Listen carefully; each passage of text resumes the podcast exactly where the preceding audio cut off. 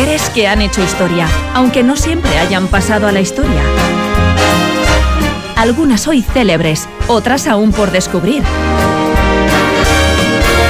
Algunas heroínas, otras villanas, todas singulares. Es tiempo de hacer visible lo invisible.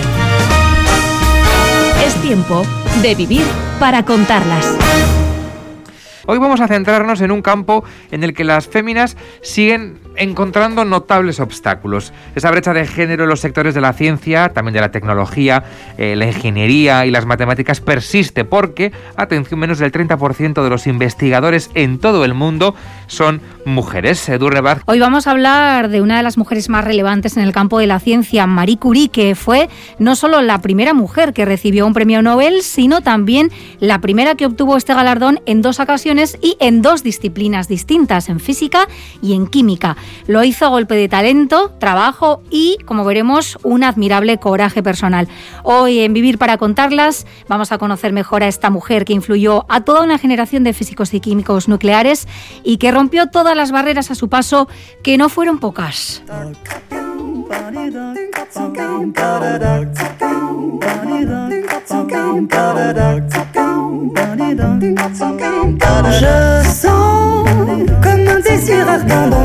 María Salomea Sklodowska es el nombre real de eh, Marie Curie. Nació en Varsovia, en Polonia, lo hace el 7 de noviembre de 1867.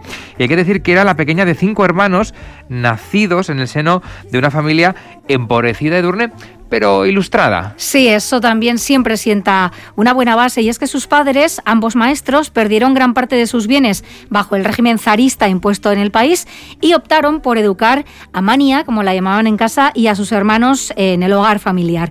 A los 10 años ya sí se incorporó a la escuela regular, donde obtuvo excelentes resultados, pero pocas perspectivas de futuro porque sus aspiraciones de estudiar en una universidad polaca se veían frustradas por su condición de mujer en la Polonia administrada por el Imperio Ruso las mujeres no tenían permitido ir a la universidad. Así que optó por completar su formación en la clandestina Universidad Volante o Flotante, en la que de forma itinerante para evitar ser descubiertos se impartían clases de anatomía, historia natural, sociología o filosofía a los jóvenes, sobre todo a las mujeres que deseaban ampliar su formación.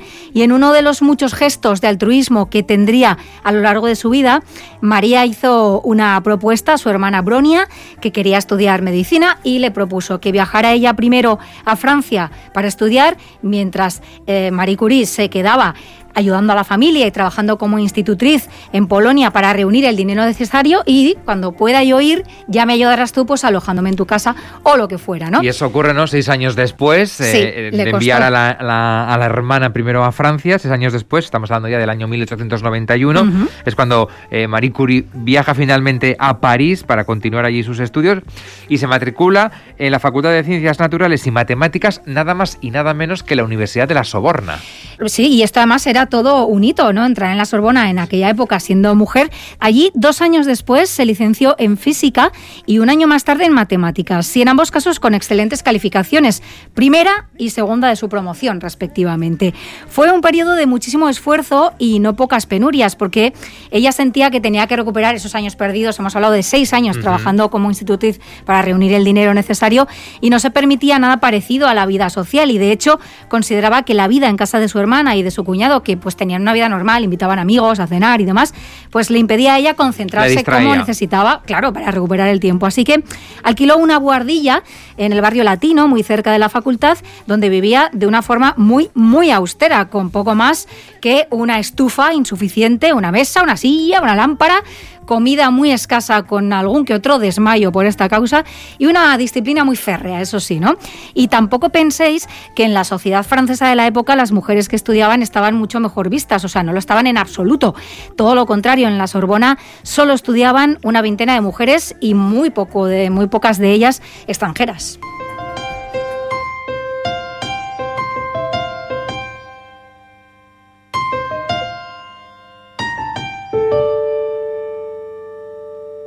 Y fue en ese entorno académico, ¿no? Y gracias a esos amigos comunes donde conocería a su futuro marido, ¿no? Estamos hablando del también físico Pierre Curie, con el que contraje, contrajo matrimonio en 1895. Y lo hicieron con la sencillez que caracterizaría sus vidas en general, porque fue una boda sin anillos, sin banquete.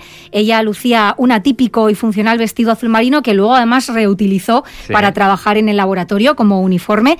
Les unía su pasión compartida por la ciencia, se admiraban mutuamente y también les unía su amor por la naturaleza. De hecho, pasaron su luna de miel recorriendo la campiña francesa sobre un par de bicicletas que se habían comprado con el dinero que les dieron por la boda, ¿no? Y dijeron, pues oye, nos vamos a dar este capricho y compartían, eso sí, un laboratorio muy humilde, pero formaban un gran equipo. Marie comenzó a estudiar materiales radiactivos y Pierre se unió al trabajo de su mujer. Acuñaron el término radiactividad y además descubrieron dos nuevos elementos, el radio y el polonio, al que llamaron así en honor al país natal de Narino. Ah, Polonia. Bueno, y, ya en este periplo, en esos primeros pasos, es cuando reciben junto a Henry Becquerel el Premio Nobel de Física en 1904 y de alguna forma eso ya es el pistoletazo de salida para una carrera imparable, ¿no? Sí, pero eh, fíjate porque a mí me parece muy importante destacar que, que ni Marie ni Pierre fueron nunca vanidosos ni codiciosos, no se sentían cómodos con la publicidad, con, con hacerse conocidos y se negaron a solicitar la patente de sus descubrimientos debido al valor que estos tenían para la ciencia y para la salud mundial. Creían que estos hallazgos tenían que ser considerados patrimonio de la humanidad. Ojalá tomaran nota, ¿no? Algunos países y algunas farmacéuticas ahora mismo, pero bueno, ellos decidieron no hacerse ricos, ¿no? Con sus hallazgos y concedérselos al mundo.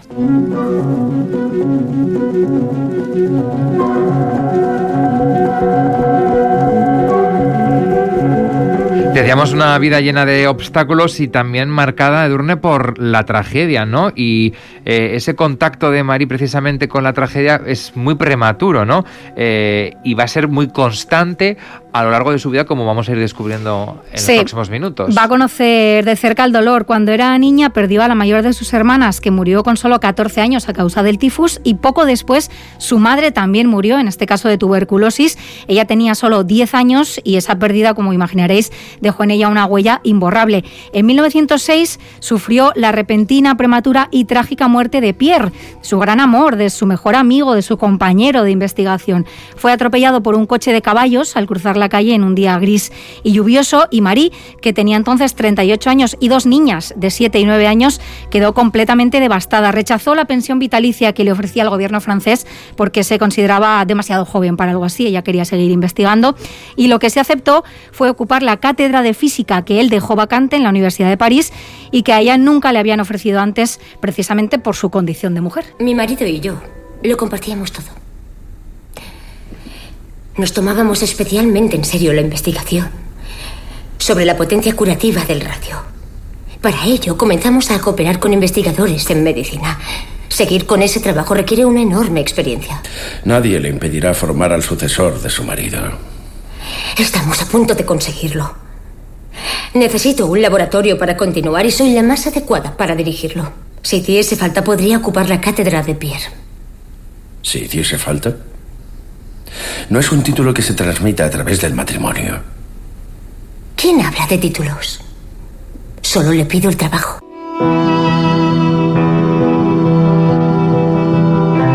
Aceptan y de alguna forma se convierte en la primera mujer que accede a un puesto en la enseñanza superior francesa. Es un logro personal, escuchábamos, no es algo que se hereda, y ella dice, no, quiero el trabajo nada más, ¿no? Es un logro personal, pero que en sus circunstancias tenía ese sabor eh, amargo, ¿no? Claro, tener que acceder al puesto eh, después de la muerte de Pierre, ¿no? Pero eh, no tuvo solo, como decíamos, este temprano contacto con la tragedia personal. A lo largo de su vida sufrió además una discriminación triple, como mujer, como inmigrante y como polaca, razón por la que se creía que era judía, ¿no? Y hay que decir que el machismo y la xenofobia y también el antisemitismo eran una constante en la época. De hecho, a punto estuvo de ser excluida del premio Nobel que la Academia Sueca otorgó al matrimonio Curie y a Henri Becquerel, como decíamos, por el descubrimiento de la radiación radiactividad al ser la esposa de Pierre, daban por hecho que su labor se limitaba a la de ser asistente. Y si no lo daban por hecho, al menos no estaban dispuestos a reconocer públicamente lo contrario. ¿no? Su, aportación. Exactamente. Y gracias al chivatazo de un miembro del comité, Pierre se enteró a tiempo de reaccionar. Y reaccionó. Envió una carta a la academia en la que dejaba claro que no aceptaría el galardón si no incluía también a Marie y argumentó que había sido el primer trabajo de ella el que había determinado el descubrimiento de estos nuevos cuerpos y que su contribución resultaba clave. Y a regañadientes, la academia aceptó premiar conjuntamente a los tres investigadores, pero la llegada de su segundo premio Nobel, años después, también sería más que accidentada.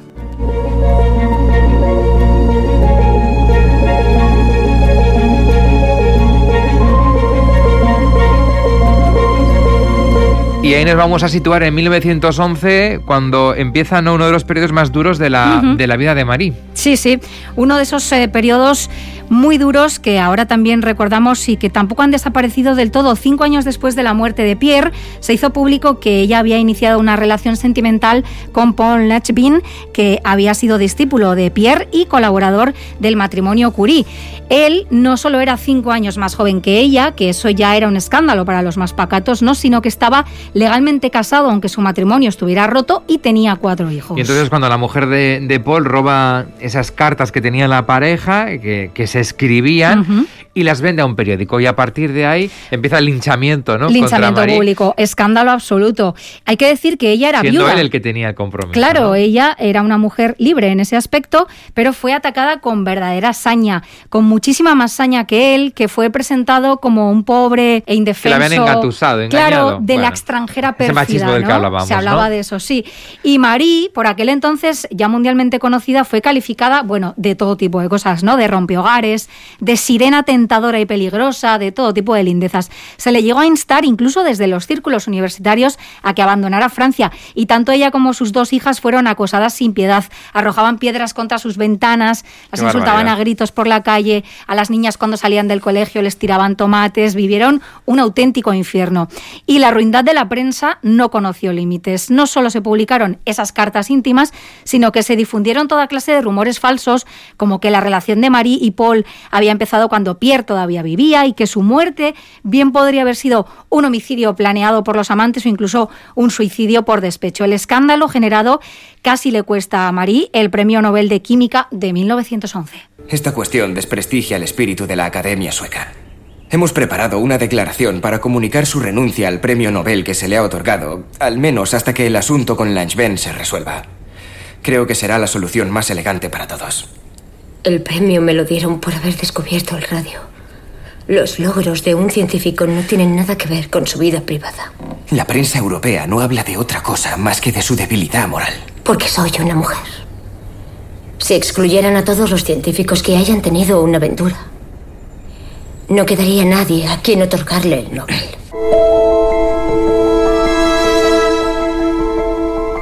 Peligraba, ¿no? Ese premio Nobel simplemente Por, por, esas cartas que, publica eh, la mujer de, Paul. Eh, mucha gente la señala con el dedo, pero no todos participaron en esa caza de brujas. ¿Quién fue uno de sus mayores soportes? Pues sin ir más lejos, Albert Einstein, al que conoció ese mismo año en un congreso y que acabaría siendo un gran amigo suyo, le escribió para manifestarle su admiración al tiempo que le animaba a acudir a la ceremonia. Le dijo, siento la necesidad de decirle lo mucho que admiro su espíritu su energía y su honradez. Me considero afortunado por haberla podido conocer personalmente. Si la chusma sigue ocupándose de usted, deje sencillamente de leer esas tonterías, que se queden para las víboras para las que han sido fabricadas. Bueno, sabias palabras de este, ¿no? Sí. Supongo que le daría ánimo a, a, Marí. Y a pesar, de, ese linchamiento y de que la propia academia, como escuchábamos, le pidió que no acudiera, ella acudió a Estocolmo con su hija Irene y años después, esta, por cierto, Irene también recibiría el Nobel de Física. Y no solo eso,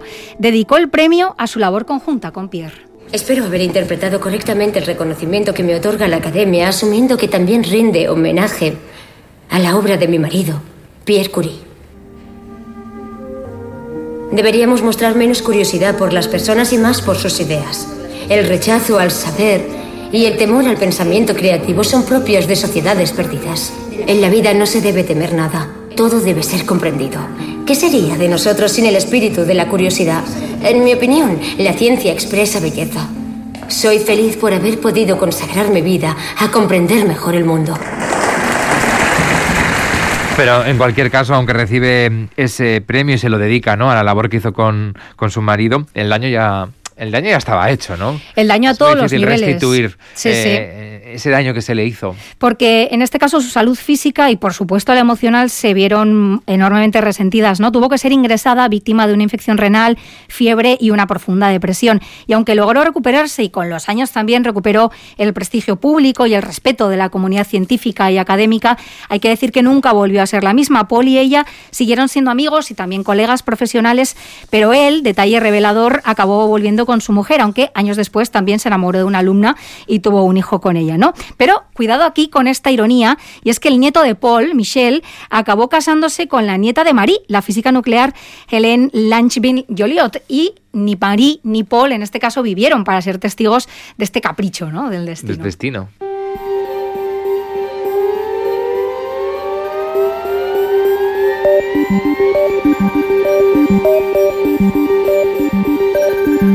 En Vivir para Contarlas estamos eh, la, figura de Marie Curie, que rompió barreras a, su paso, no fueron pocas además, y podemos decir que además fue pionera en muchos eh, aspectos. Sí, no fue solo la primera mujer que recibió un premio Nobel, sino también la primera que obtuvo este galardón, como decíamos, en dos ocasiones, y la única persona hasta la fecha que se ha hecho con él en dos disciplinas distintas, en física y en química en su caso. Fue también la primera mujer en doctorarse en ciencias físicas, la primera mujer catedrática de la Sorbona y la primera mujer en dar clases en esa universidad, aunque no consiguió ser aceptada en la Academia de las Ciencias francesa. Fue también la primera mujer y extranjera en ser enterrada en el Panteón de los Hombres Ilustres de Francia y como pionera también de la conciliación, podríamos decir, Marie no solo inspiró a millones de personas en el mundo, sino también a sus dos hijas. Irene la mayor, como decíamos, no solo siguió los pasos de su madre, sino que lo hizo muy pronto. Pasó, por ejemplo, su decimoctavo cumpleaños en un campo de batalla en la Primera Guerra Mundial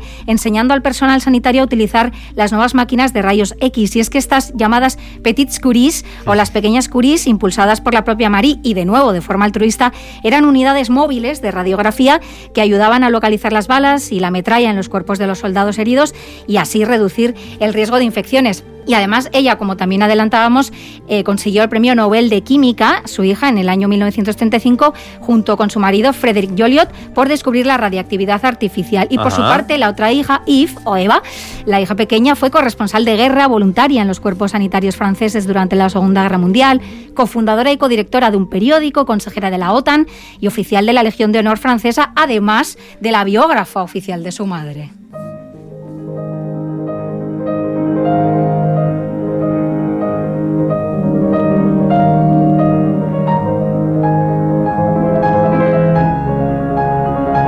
Una vida dedicada de lleno a la ciencia y de hecho podemos decir ¿no? que entregó literalmente ¿no? su vida a, la ciencia, a explorar y que sufrió las consecuencias de estar tantas horas en el laboratorio, bueno, pues cerca de, muchos elementos eh, bueno, pues que, que, le hicieron mal, ¿no? De alguna forma. Sí, fue la radiactividad la que acabó matándola porque murió de leucemia el 4 de julio de 1934, tenía 66 años y después de décadas, claro, de sufrir los efectos nocivos de trabajar durante horas en el laboratorio sin la protección adecuada. Dicen que incluso hoy en día sus cuadernos son altamente radiactivos. hay, que, ¿eh? hay que tratarlos con un traje especial. cuidado. Pero ella sabía ya entonces que, estas sustancias eran abrasivas para las manos. Tenía las manos siempre fatal, pero entonces no se conocían los efectos reales de esta larga exposición a, estos elementos. ¿no?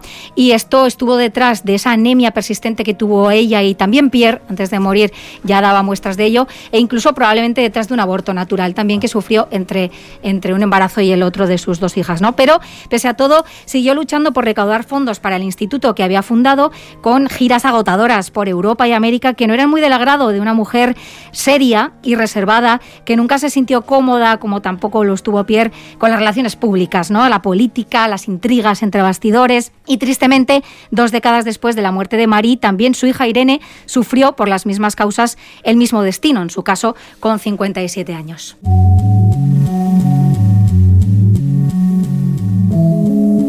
Y en estos minutos últimos de Vivir para Contarlas vamos a centrarnos en el legado de, Marie Curie. Hasta el fin de sus días siguió yendo a trabajar al Instituto de, del Radio, ahora se llama Instituto Curie, que ella misma fundó, por cierto, en 1921 con el apoyo del Instituto Pasteur y de la Universidad de París. Sí, ese era el lugar en el que ella más feliz se sentía y además el laboratorio con el que toda su vida de investigación en humildes y gélidos cubículos había soñado. ¿no? Hay que decir que el instituto fue el germen de uno de los legados más valiosos que nos dejó Marie Curie, que es el uso de la radioterapia en la cura del cáncer y con los años llegaría otro hito derivado también de sus hallazgos, como es la energía atómica, ¿no? Tan útil, usada para el bien como destructiva, usada para el mal. Pero bueno, Albert Einstein afirmó que Marie Curie era la única persona que él conocía a la que la gloria no había corrompido y en palabras de la propia Marie, la mejor vida no es la más duradera, sino más bien aquella que está repleta de buenas acciones. Así que yo pues creo que una vida llena de obstáculos, interesantísima. Conocíamos eh, bueno, pues sus logros en el campo de,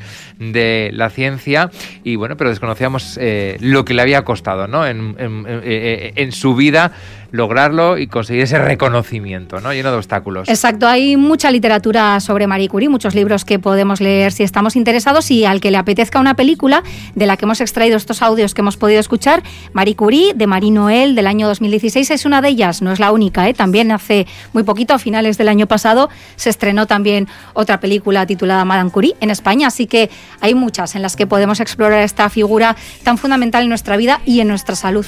Edu Rebaz, es que ricasco por descubrirnos la vida de Marie Curie.